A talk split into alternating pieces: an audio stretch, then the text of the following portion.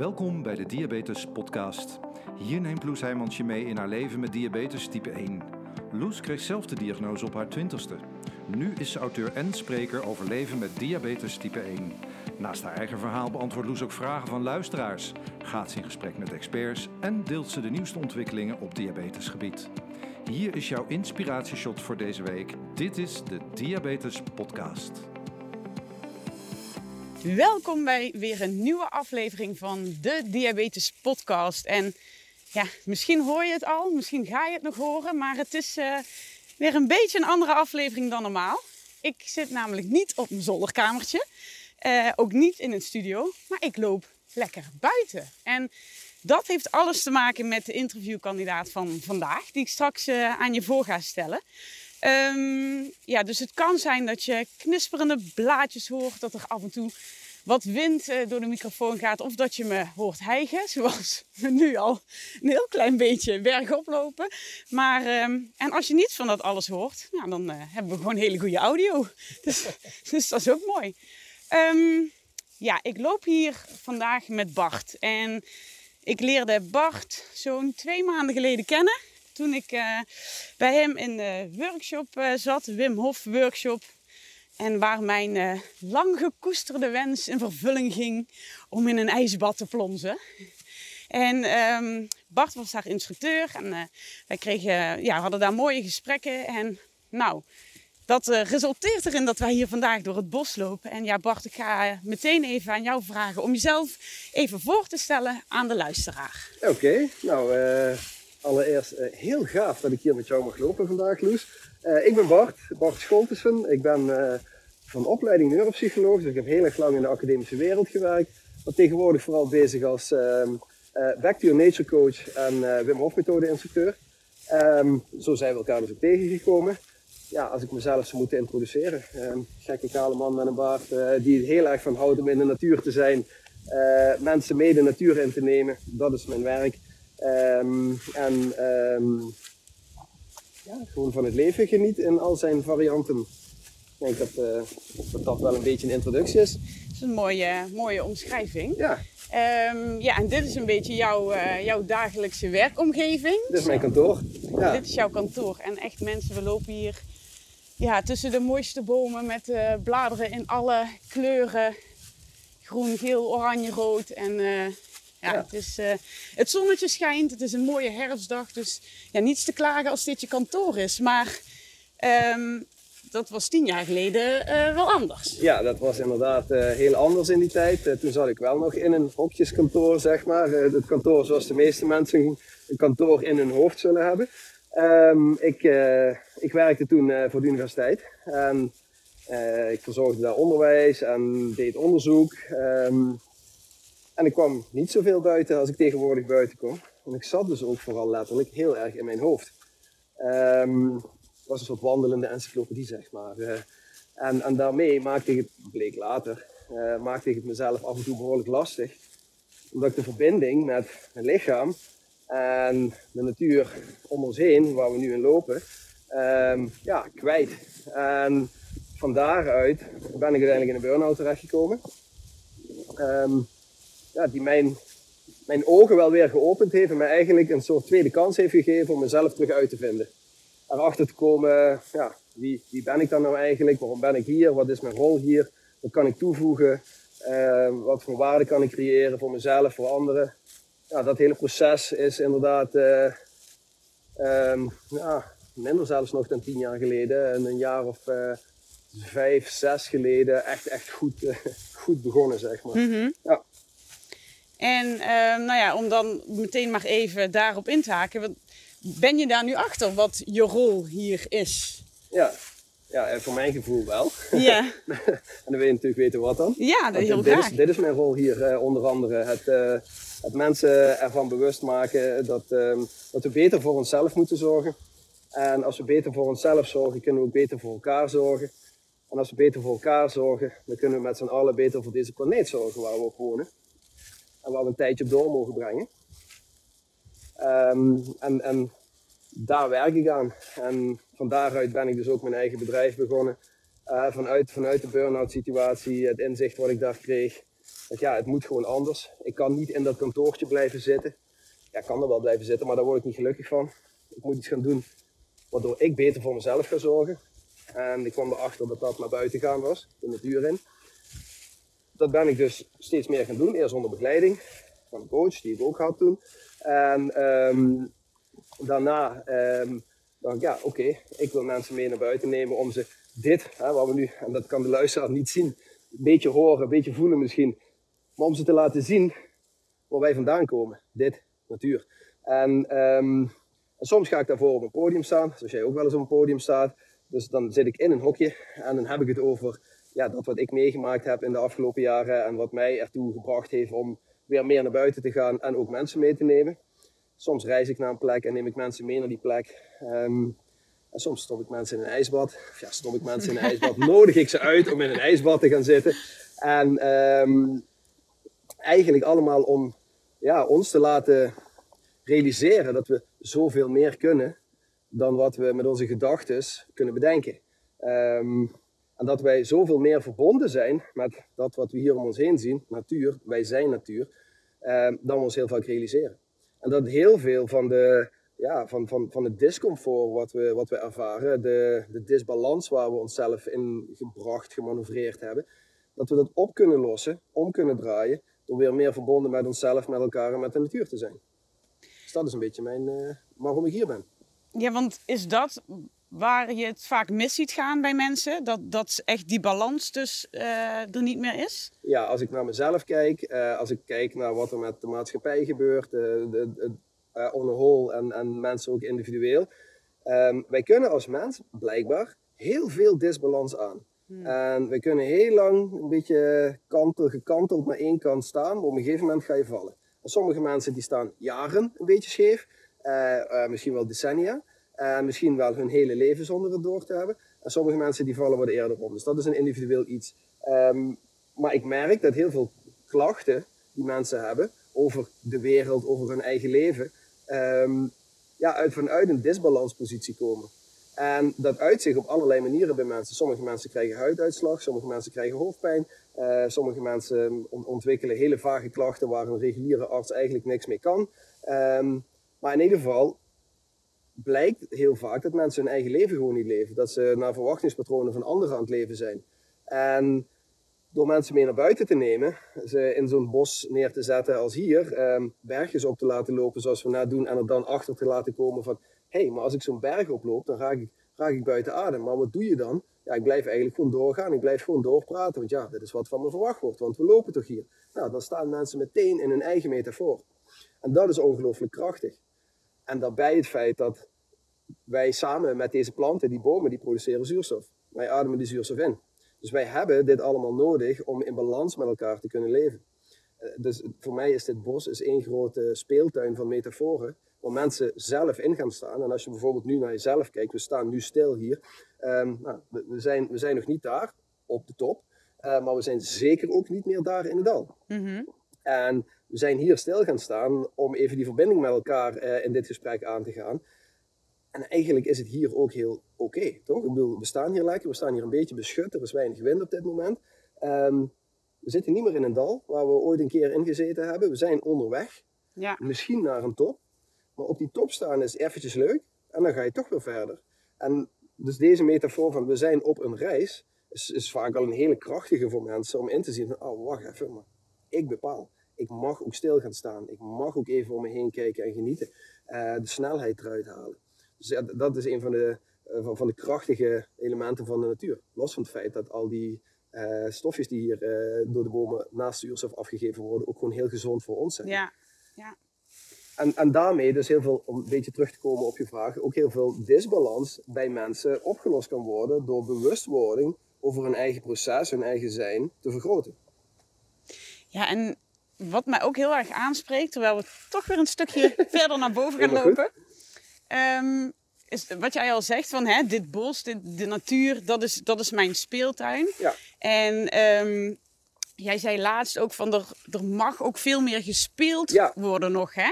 En dat is echt iets eh, wat van, van ons laatste gesprek me heel erg is, is bijgebleven. Dat ik Mhm. laatst eh, met mijn zoontje van vier, die geleerd heeft om te huppelen. Ja. En heel graag naar school wilde huppelen. En ik huppelde met hem mee. En ik dacht, weet je, het kan me nou echt niet schelen wat Nee. al die ouders aan het schoolplein denken. Nee. Daar komt mijn moeder aangehuppeld. Ja. Maar volgens mij is dat wel iets heel belangrijks. Ja. Dat, dat we het misschien allemaal ook niet zo serieus hoeven te nemen. Ja. Het leven. Ja, nou ja, je, kijk, je, mag, net- je, je bepaalt natuurlijk zelf. Hè? Dat wil ik ook wel gezegd hebben. Alles wat ik hier vertel is mijn visie op mijn realiteit. En, en iedereen mag, wat mij betreft, zijn eigen realiteit eh, bepalen. Dus het is niet zo dat dat wat ik zeg de waarheid is. Zeker niet. Het is een variant van de waarheid. Maar waar ik ook achter gekomen ben, is dat ja, ik te weinig speelde. Ehm, en er nog veel meer mensen zijn die nog veel minder spelen. Ehm, en ik heb ook van die kids die zeggen: Hey papa, kunnen we even, ik wil huppelen. Ja, ik huppel ook wel eens richting school met ze. En dan zie ik mensen ook wel eens kijken van, wat is dat voor een gek? En sterker nog, misschien ken je ook wel het, het, het, voorbeeld van dat je in een speeltuin bent of zo met de kinderen of in het bos. En dan willen de kinderen die willen klimmen en op takken iets, iets doen. Ik doe mee. Ik ben die papa die dan meedoet. En dan zie je vaak, zie je ouders, zie je zich distancieren van de kinderen. Die staan dan bij de ouders. En die praten met elkaar, want dat is hoe het heurt of zoiets dergelijks. Ja, ik denk dan, ik wil veel meer verbonden zijn met het spelende kind in me, wat er gewoon in zit.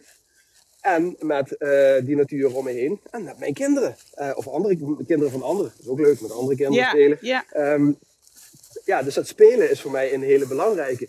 En als je ook naar de wereld gaat kijken als meer een playground, een speelveld met mogelijkheden, in plaats van een soort dogma met beperkingen, ja, dan gaan opeens deuren ontstaan op plekken waar jij nooit van gedacht had dat er deuren waren. En als ik dat naar mijn eigen voorbeeld terugkoppel, ehm, van dat ik een aantal jaren geleden nog in dat kantoortje op de universiteit zat en heel erg ja, beperkt, narrow-minded eigenlijk over het leven dacht. Ehm, en ik dat vergelijk met wat ik nu doe, ja, ik speel veel meer. En juist dat speelse heeft ertoe geleid dat ik nu dit gesprek bijvoorbeeld mag hebben. Want als ik narrow-minded door was gegaan in het hokje, was de kans dat we elkaar tegen waren gekomen heel klein geweest. Ehm, mag ik op plekken in de wereld komen waarvan ik nooit had gedacht dat ik daar zou kunnen komen. Ehm, en dat is het mooie als je dat hele leven als meer spelende ervaring, een, een, een, een speelveld gaat zien. Want we gaan er toch niet levend uitkomen. Uit- Nee, op een gegeven moment is het game over. ja, ja. want weet je, we komen hier in dit leven, in dit lichaam. En op een gegeven moment is dit klaar. En voor sommige mensen is dat kort en voor sommige mensen is dat een heel lang leven. Ja, dat is ook weer individueel. Maar we gaan er, we gaan er niet, zeg maar, winnend uitkomen. Als in dat we opeens het eeuwige leven hebben in dit lichaam. Dus waarom zouden we dan niet meer leven nu, vandaag, hier? In plaats van Mooi. Bang zijn voor een eindpunt, wat wij als eindpunt betitelen, wat misschien wel helemaal niet het eindpunt is, maar ja, dat zie ik dan wel weer. Ja, Ik wil nu meer leven. En dat is echt veel leuker als je het spelen doet. ja, ja, eens. Maar dat vinden mensen raar, inderdaad. Ja, want we zitten met z'n allen in een soort keurslijf wat we voor onszelf gecreëerd hebben. Want nee, dit is hoe het moet, dit is hoe het hoort. Eh, doe maar normaal, dan doe je al gek genoeg. Hè? Maar wat is normaal? Wie bepaalt wat normaal is? Ehm, nou, en dan kies ik ervoor om, eh, ja, om dan gewoon speelser door het leven te gaan. Ehm, om vaker op mijn blote voeten door het bos te lopen waar andere mensen de schoenen aanhouden. Ehm, ik wil voelen dat ik leef nu. Daarom ga ik ook in een ijsbad zitten. Omdat ik wil voelen dat ik leef. En als je, dat weet je zelf nu ook, als je in een ijsbad gaat zitten, dan voel je heel erg dat je leeft. Ja, Ja. Los van alle andere positieve effecten die het heeft. Maar dat is waarom ik soms dat, dat discomfort opzoek. Want op je blote voeten lopen op een bospad waar allemaal eh beukennootjes en eh, takjes liggen, is ook niet altijd lekker. Om maar een voorbeeld, hè, weer zo'n metafoor uit de natuur eh, te noemen. Ehm, het helpt mij, door het actief opzoeken af en toe van discomfort, om over het algemeen veel comfortabeler te kunnen zijn in alle stress die we toch wel tegenkomen. Of alle veranderingen die we tegenkomen. En we leven nogal in een snel veranderende maatschappij. Waar allerlei rare dingen gebeuren, bijzondere dingen gebeuren, gekke dingen gebeuren. En daar hebben we weinig controle over. Maar we hebben meer dan wij ooit kunnen bevatten, waarschijnlijk controle over ons eigen zijn. Mhm. En dat gebeurt in je hoofd. Dus daarom Ja. zoek ik fysiek van die spelenderwijs uitdagingen. soms in je, in je zwembroek een, eh, een, een berg opwandelen met min 20 uh, samen met uh, Wim Hof en, en andere instructeurs. Ehm, soms eens uit een vliegtuig springen, in een ijsbad gaan zitten, op je blote voeten lopen, lange afstanden rennen zonder training. Om erachter te komen hoe dat voelt. Ik wil nu leven. Niet strakjes als ik 65 ben, want misschien haal ik dat wel niet eens. Ja. ja. En om even door te gaan op, op dat stuk uh, mindset. Want, uh, en ook even de link te leggen naar, uh, naar diabetes. Want ja. nou ja, mensen die die diagnose diabetes krijgen, dat is natuurlijk, er gaat iets fysiek mis in je lijf. Uh, dus dat wordt, uh, nou, je gaat insuline toedienen om, uh, om dat allemaal weer een beetje onder controle te krijgen. Maar wat heel vaak daarbij wordt vergeten is de mentale impact ja. die dat heeft. Ja. Hè? Een ziekte die 24 uur per dag aandacht van je vraagt, waar je nooit vakantie van kunt nemen. Um, ja, dat is echt. Ik ben zelf ook meerdere malen bij de psycholoog daarvoor terechtgekomen, omdat ik dat echt niet meer rechtgetrokken kreeg in mijn brein, zeg maar. Um, ja, wat, hoe kun je je mindset daarop uh, ja, beïnvloeden? Of wat kun je daaraan doen hmm. om, om daar een weg in te vinden? Ja, ja dat is een hele goede vraag. Um, ik heb geen diabetes, dus ik weet niet, hè, ik, ik, ik heb dat niet die persoonlijke ervaring um, uh, hoe, hoe dat is, wat, wat de impact daarvan op je leven is. Um, maar als ik diabetes dan neem als een voorbeeld van een potentieel stresserende invloed op je leven waar je eigenlijk geen controle over hebt. Mm -hmm.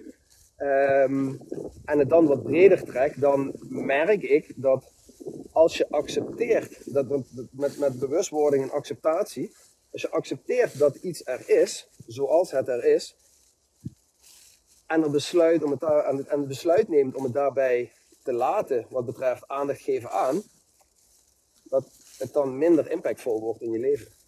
Dus als jij, nou ja, laten, we, laten we het voorbeeld van de blote voeten nemen um, uh, als, als, als parallel aan uh, diabetes bijvoorbeeld. Als jij op je blote voeten gaat lopen en je loopt over scherpe steentjes en je denkt, oh, dat doet pijn, dan ga je verkrampen. Mm En dan gaat je lichaam in een stressstaat.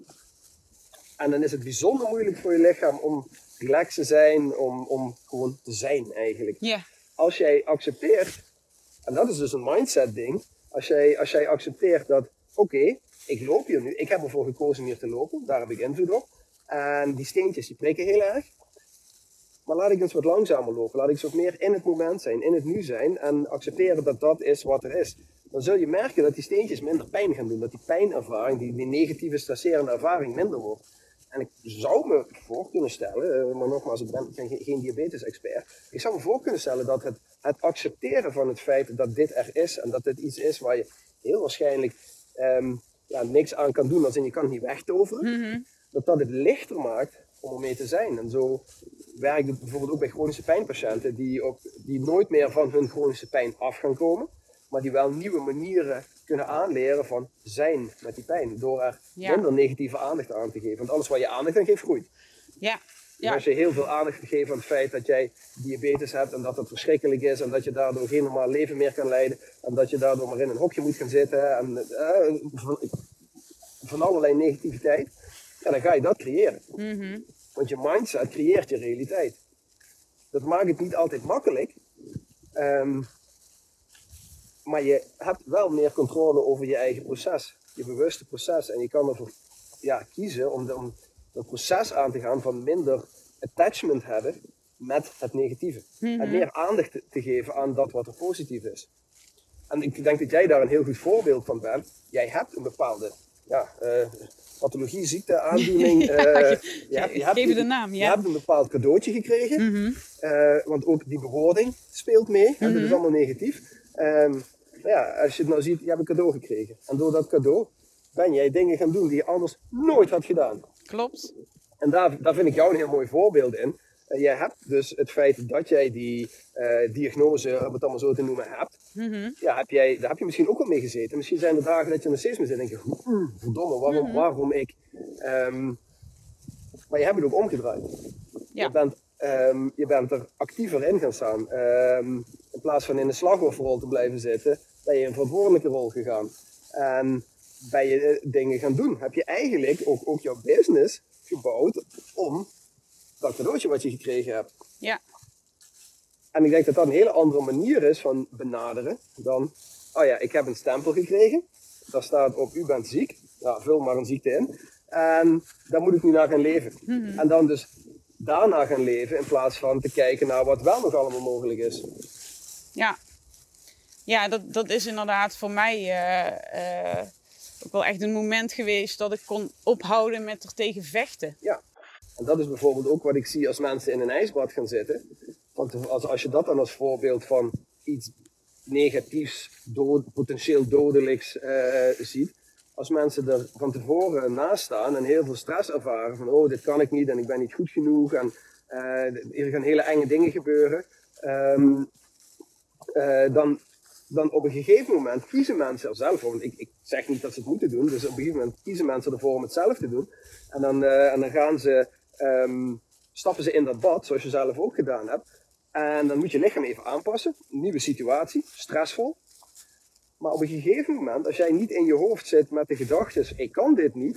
Maar als jij ehm, eh, het, het, het loslaat eigenlijk en het accepteert voor wat het is, ja, dan gaat je lichaam opeens doen wat het moet doen. In dit geval warmte produceren.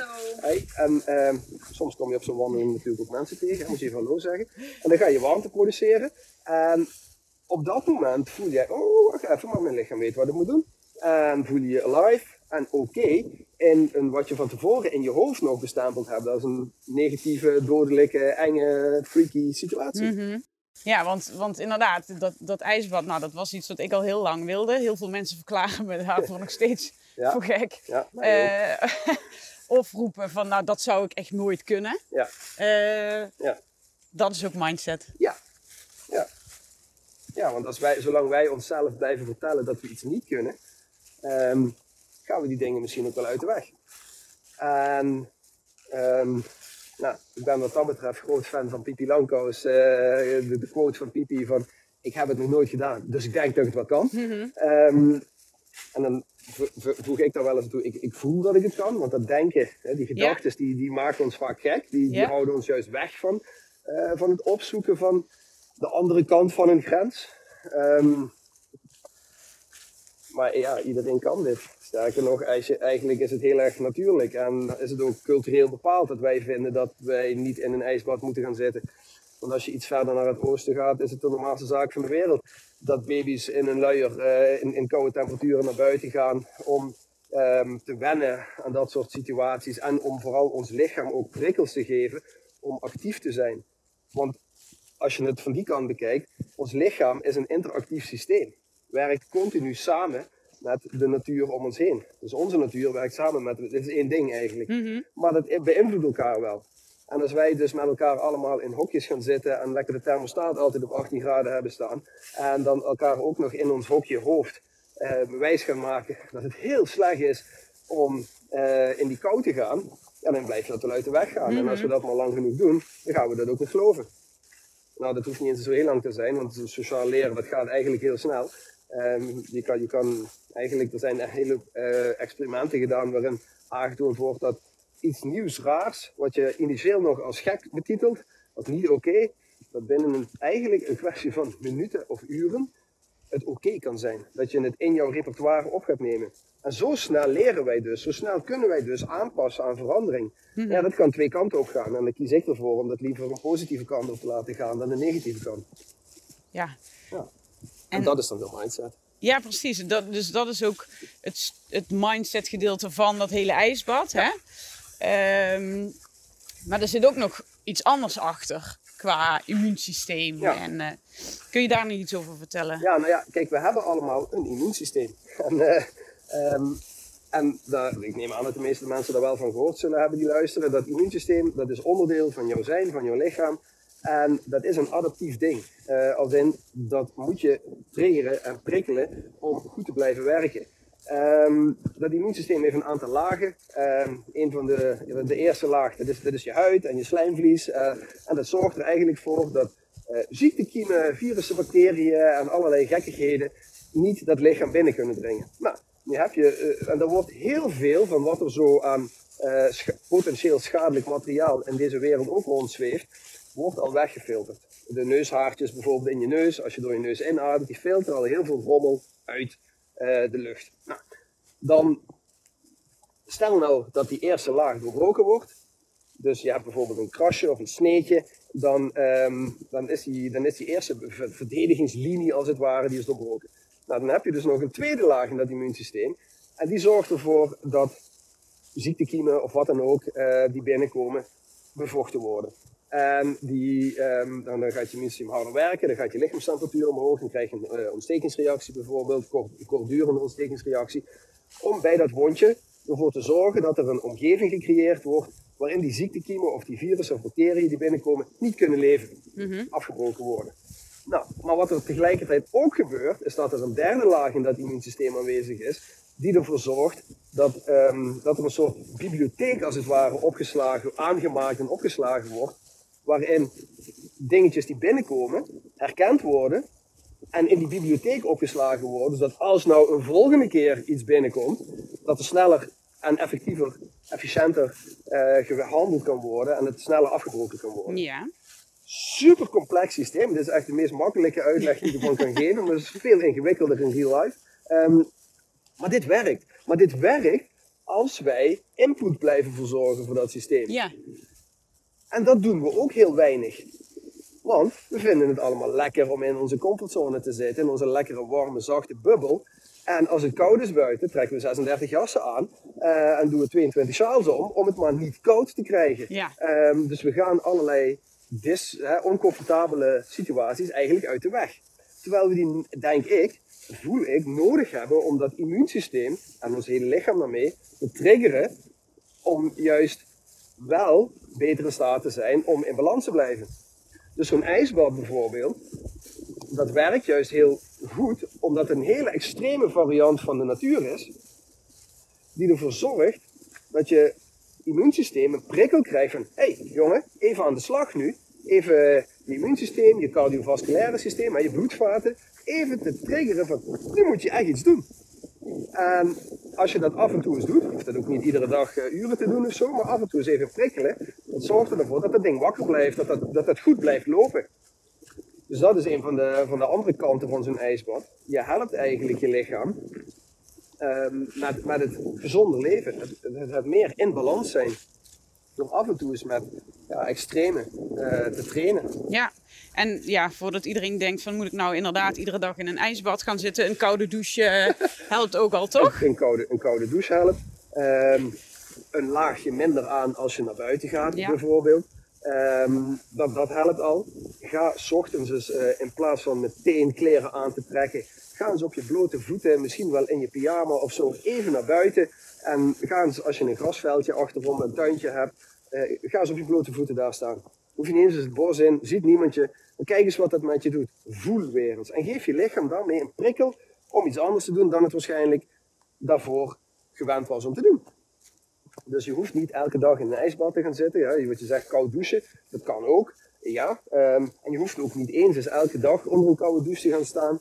Um, sterker nog, als je onder een douche gaat staan, hoef je ook niet de hele tijd koud te douchen. Nee, je nee. kan ook gewoon koud eindigen bijvoorbeeld. Ja. En dat kun je opbouwen. Dan geef je jezelf een week of twee weken om langzaam, stapje voor stapje, aan het einde van je douchebeurt, dus dat doe je eerst wat je wil doen, Ja. en jezelf wassen. En dan aan het einde draai je de kraan een beetje kouder. En de volgende dag of de volgende keer dat je de douche gaat, draai je de kraan nog een beetje kouder. En zo bouw je dat op. En op een gegeven moment wen je je systeem dus een beetje aan om daarmee om te gaan met die kou. En zul je merken dat je het nog leuk gaat vinden ook. Nou ja, Dat je het nodig hebt. Ja. wow, ik krijg hier energie van. Ja. Ik voel me lekker. Lekkerder dan alleen maar onder die warme douche staan. Want er is niks mis met een warme douche. Maar actief word je er meestal niet van. nee, ja, dat is heel erg herkenbaar. Want ik denk dan, dan is het eh, en je immuunsysteem boosten. Maar ik heb dat, het werkt bij mij ook echt heel goed mentaal. Ja, Want ik ben dat gaan doen in aanloop naar, eh, Ja. naar die ijsbadsessie, Ja. sessie dat koud douchen. En bij de eerste keer dacht ik ook na vijf seconden, hoe dan?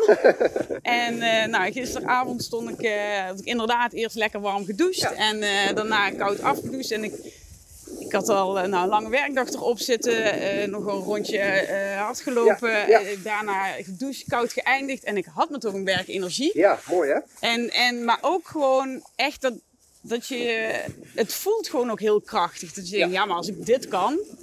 Ja. Hè? Ja, en ja, En dat is het mooie van, want je, hebt, je vertelt nu, je deed dat s'avonds. Eh, je maakt er opeens een, je hoort een nieuwe berg aan energie aan. Ja, en toen En ging ik. Dat wil s'avonds, wil, dat is dat misschien niet het meest handige moment ervoor. Hè? Als, je, als je richting bed gaat. Of misschien ook wel. Ik weet niet wat jij nog allemaal s'avonds doet. Ehm, maar als je, hè, als je naar de mindset component kijkt. Als je dit dus 's ochtends doet. Mm.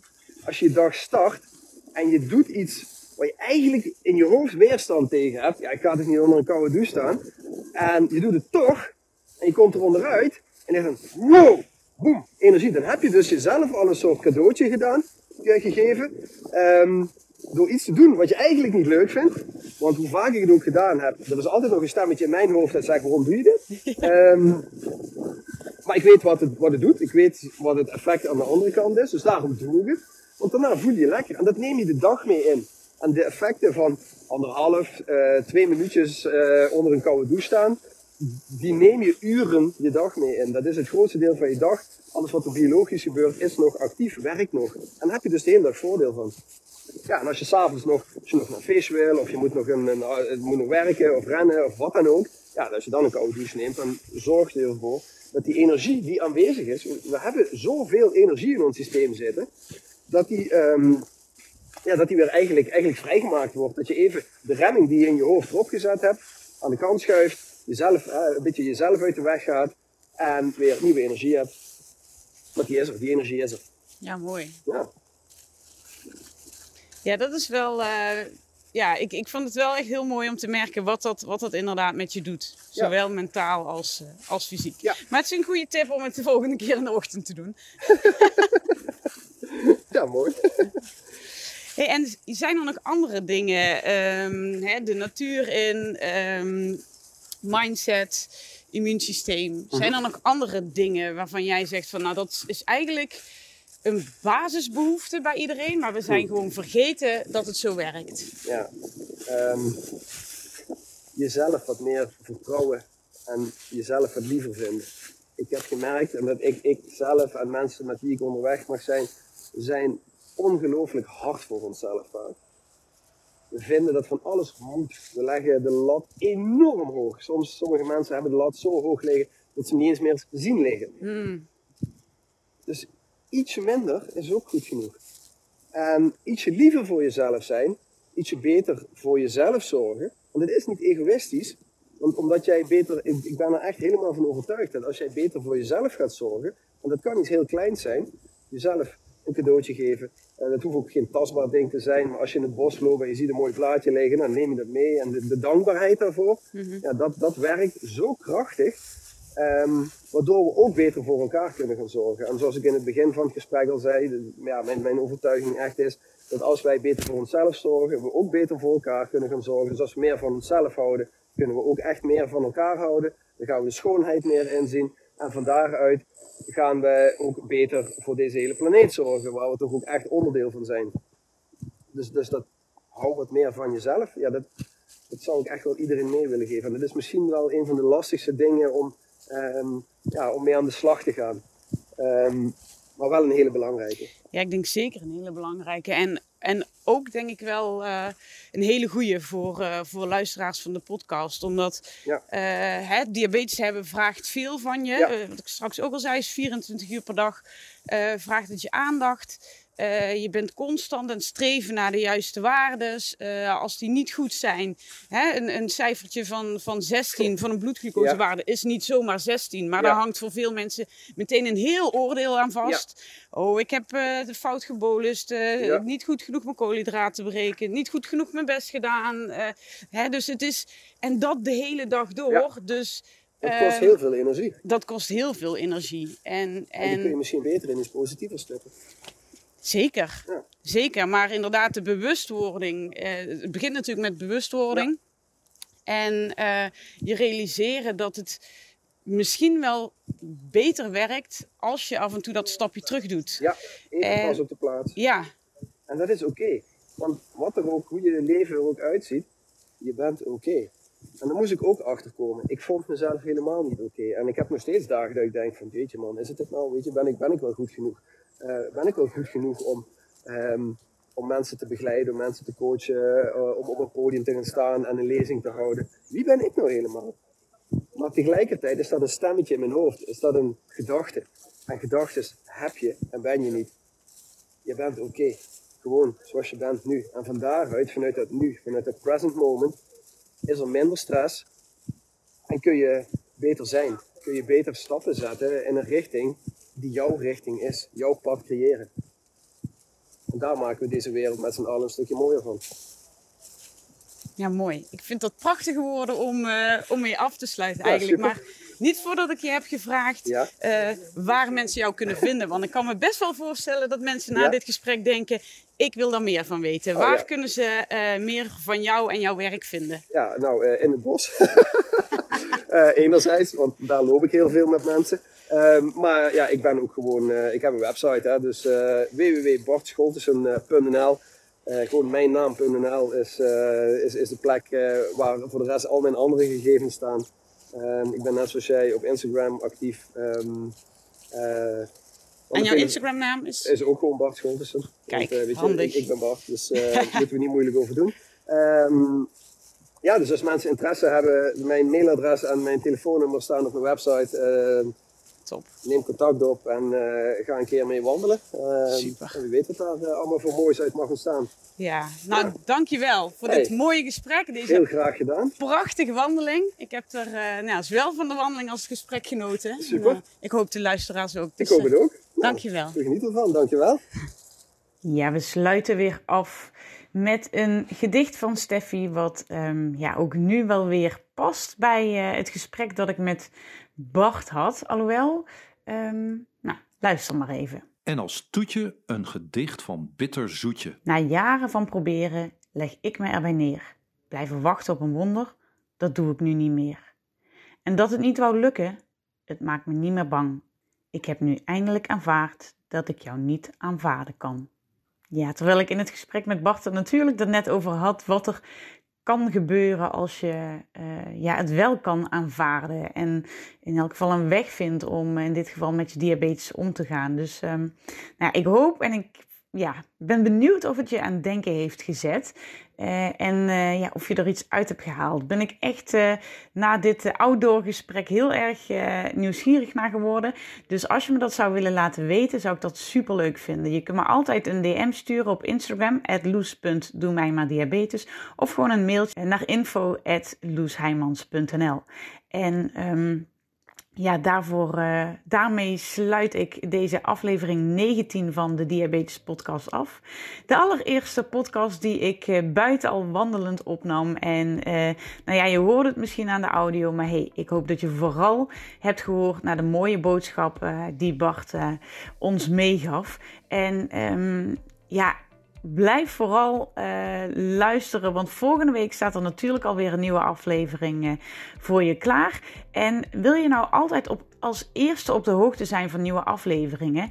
Schrijf je dan in voor mijn inspiratieshot. En dat is de wekelijkse nieuwsbrief uh, die ik verstuur per e-mail. Um, als je naar mijn Instagram gaat, loes.doemijmaardiabetes, dan ga je gewoon even naar de link in bio en kom je vanzelf uit bij de button inschrijven voor het inspiratieshot. Dat kan ook um, op heel veel plekken op mijn website www.loesheimans.nl. Dus uh, ja, en daar houd ik je niet alleen als eerste op de hoogte van nieuwe afleveringen, maar deel ik ook dingen die hier achter de schermen gebeuren, uh, op, reis, uh, op de reis die we met Diabetes Plus maken, dingen die ik meemaak in mijn dagelijkse diabetes leven. Dus uh, echt geen spam, maar gewoon superleuke wekelijkse inspiratieshotjes. Nou, dit was het uh, voor deze keer. Ik dank je hartelijk voor het luisteren en zeg heel graag tot de volgende keer.